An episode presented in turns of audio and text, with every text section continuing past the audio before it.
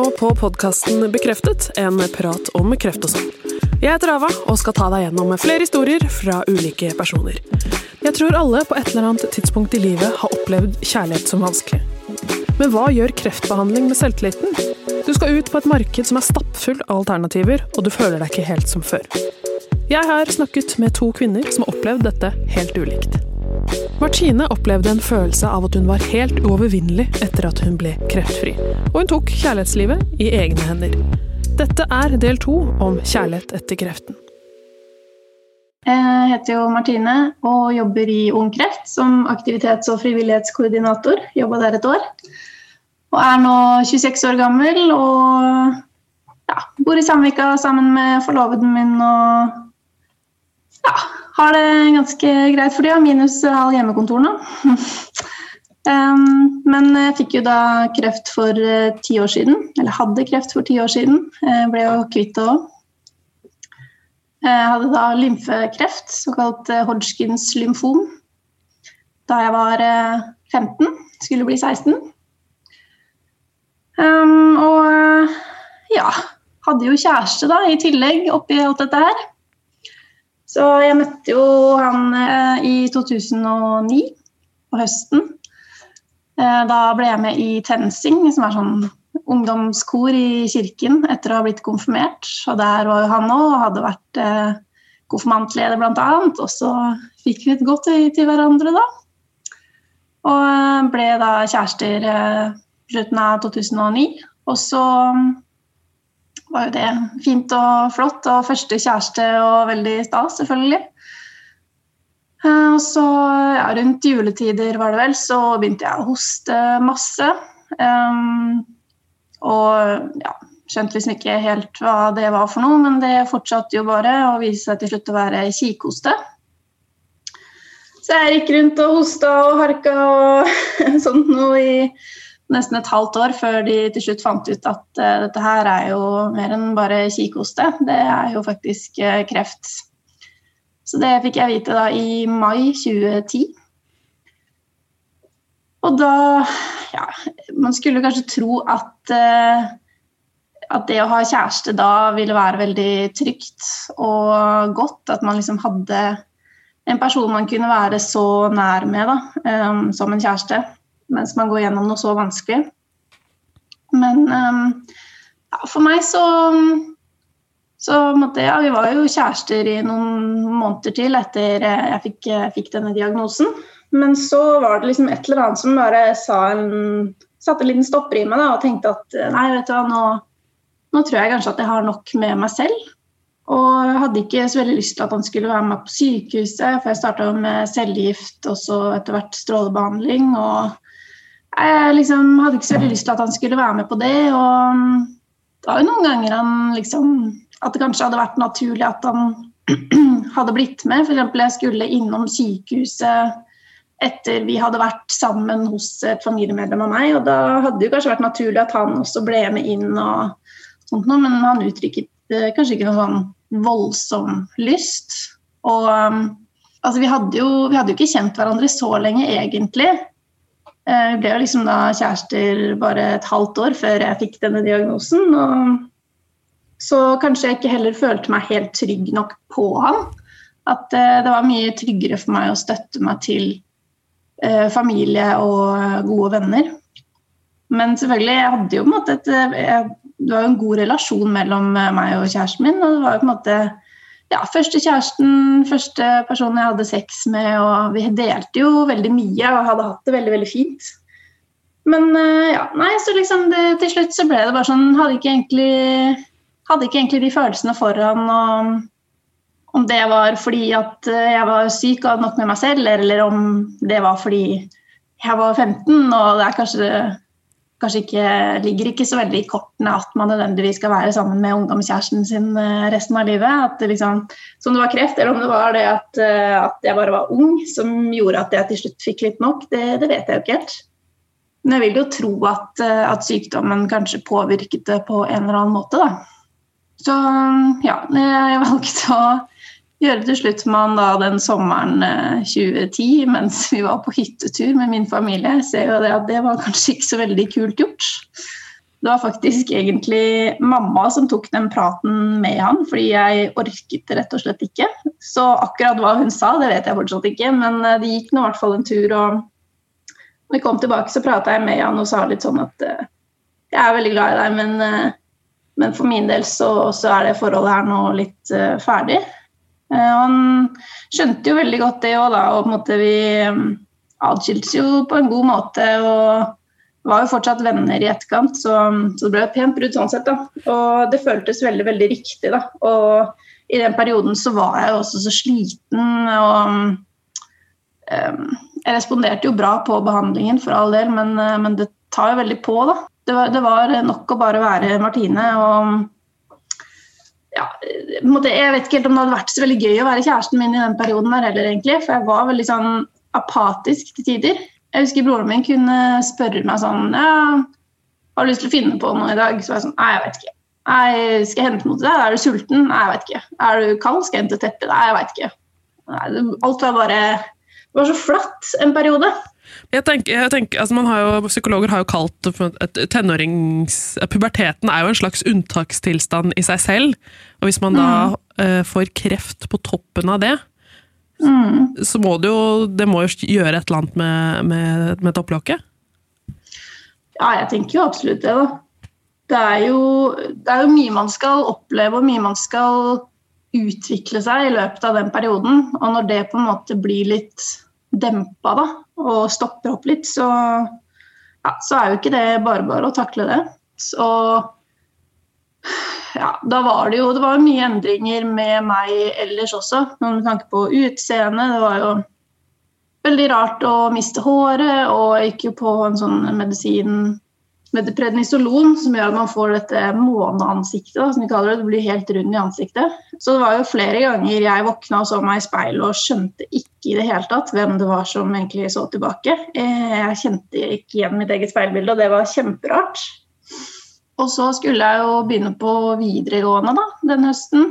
Um, og da var det jo veldig rart å gå der, og det var veldig gøy også da, i starten. Gjorde jo litt ut av det, for jeg hadde jo en del parykker bl.a.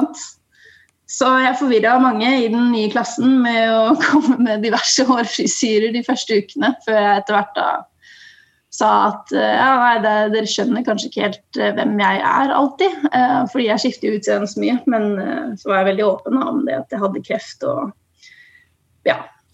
Det ble, det ble en veldig fin start egentlig da, på videregående òg. Hva gjorde ja, det med, med, datingen, det med at, at utseendet hadde forandra seg så veldig? I starten så data jeg jo ikke i det hele tatt. Da var det veldig nok med meg sjøl. I hvert fall den første perioden. Nå har du på en måte, det er jo ikke så veldig lang periode jeg egentlig var under behandling.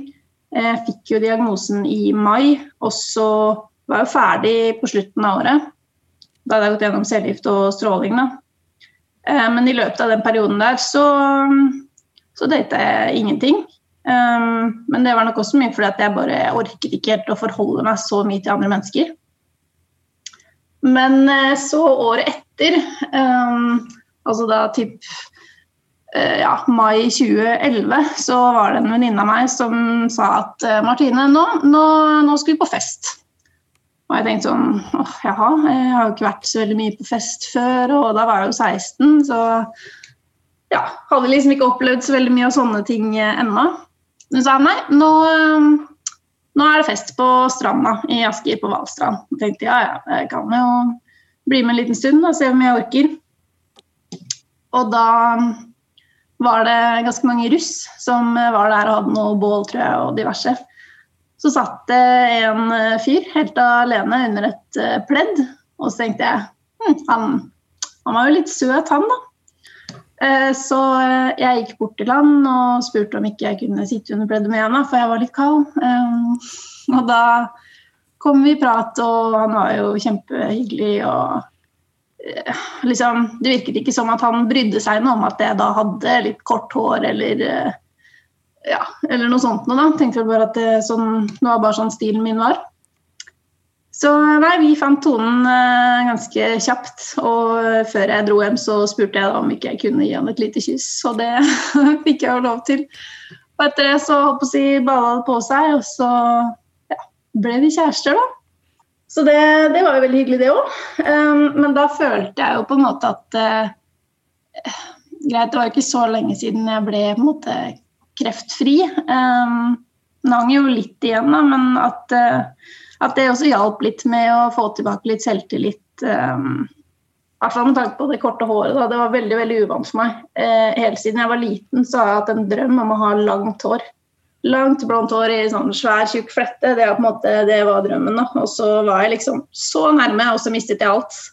Så det med håret var egentlig ganske stort for min del. Um, men, uh, men, ja, han uh, to, tok meg for den jeg var, og det jeg orket. Og vi hadde en veldig, veldig fin uh, sommer sammen. Og så ja, ble det også slutt etter hvert, men det var jo ikke pga. sykdommen. Jeg flytta til Kina et år, bodde der. Og så prøvde vi å ha avstandsforhold. Noe som funket eh, ganske greit egentlig mens jeg bodde der borte. Eh, for han eh, ja, var gamer og var jo alt på PC-en, så vi prata jo masse. Men det var da jeg kom hjem da, at jeg innså at vi er nok litt for forskjellige til å fungere godt. Så da tok det også slutt, gitt. Men du høres ut som Fordi hvis jeg ser for meg meg som 16-åring som da ikke hadde kreft eh, Det å mm. gå bort til en eh, fremmed fyr som du syns ser søt ut, og spørre om du kan sette henne i pleddet hans Du er ganske tøff da? Ja, jeg tror jeg jeg tror nok jeg mistet en del av de hemningene. på en måte. Jeg tok meg ikke så veldig seriøst etter at jeg ble syk. At det kanskje også endret noe i meg. For da var jeg litt sånn Ok, herregud, alt kan skje. Altså, man kan bli dødssjuk, og man vet aldri hva morgendagen bringer. Så jeg føler nok kanskje at jeg har endra meg litt sånn sett selvtillitsmessig òg, da. Tør å drite meg litt mer ut, kanskje, og ta litt sjanser, da. Eh, det er jo ja, Det er ikke nødvendigvis jeg er så tøff nå lenger, eh, nå som det har gått en stund, men, eh, men akkurat da så, så var ikke det så veldig skummelt å gå bort til ham. Du følte deg litt uovervinnelig? Ja, kanskje litt. Det var liksom en liten periode der jeg følte at veldig mye av det jeg gjorde, var det riktige å gjøre. Um, og da var det liksom Det var litt sånn ut av kroppen-opplevelse, kanskje. Um, for det var litt sånn OK, uansett hva jeg gjør, så, så, er det det beste å gjøre. Så da må jeg bare gjøre akkurat det jeg vil, da. Fordi ja, det blir ikke noe bedre, på en måte. Og det var veldig ja, veldig annerledes. For jeg har ikke vært sånn uh, før. Men har du noen tips til hvis man har, man har hatt kreft, uh, man er kreftfri, man skal ut på date, og man ser, man ser, kanskje ikke helt ut sånn som før. Hva, har du noen tips til hvordan man kan liksom, kaste da, seg ut i det? Kom, ja, um, altså når det kommer til det med, med utseende, så tror jeg på en måte bare man må innse og godta at uh, kanskje det ikke blir helt sånn som før, og bare lære å bli glad i seg selv uansett, da.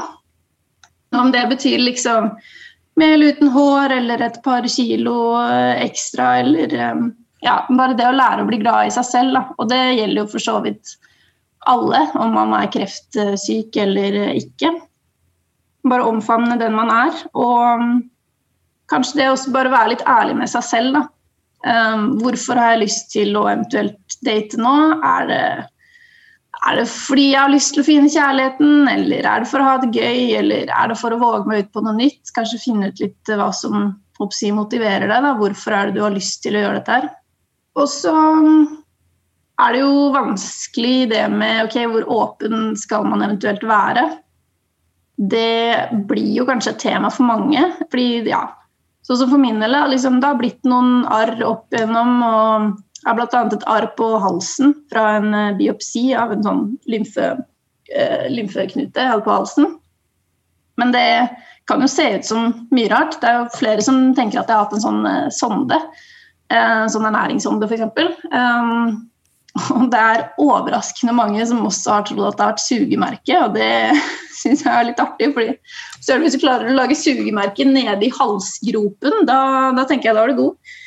Men um, det er jo kanskje et tema som mange lurer på da, når man ser liksom, ja, f.eks. ikke har noe hår, eller at du bruker parykk eller har noe arr. Um, så det også man, kan kanskje være greit å, å tenke over da, uh, før man eventuelt går på en date. Hvor mye har jeg lyst til å dele av dette her, og hvor mye er nødvendig for meg å dele. Mm.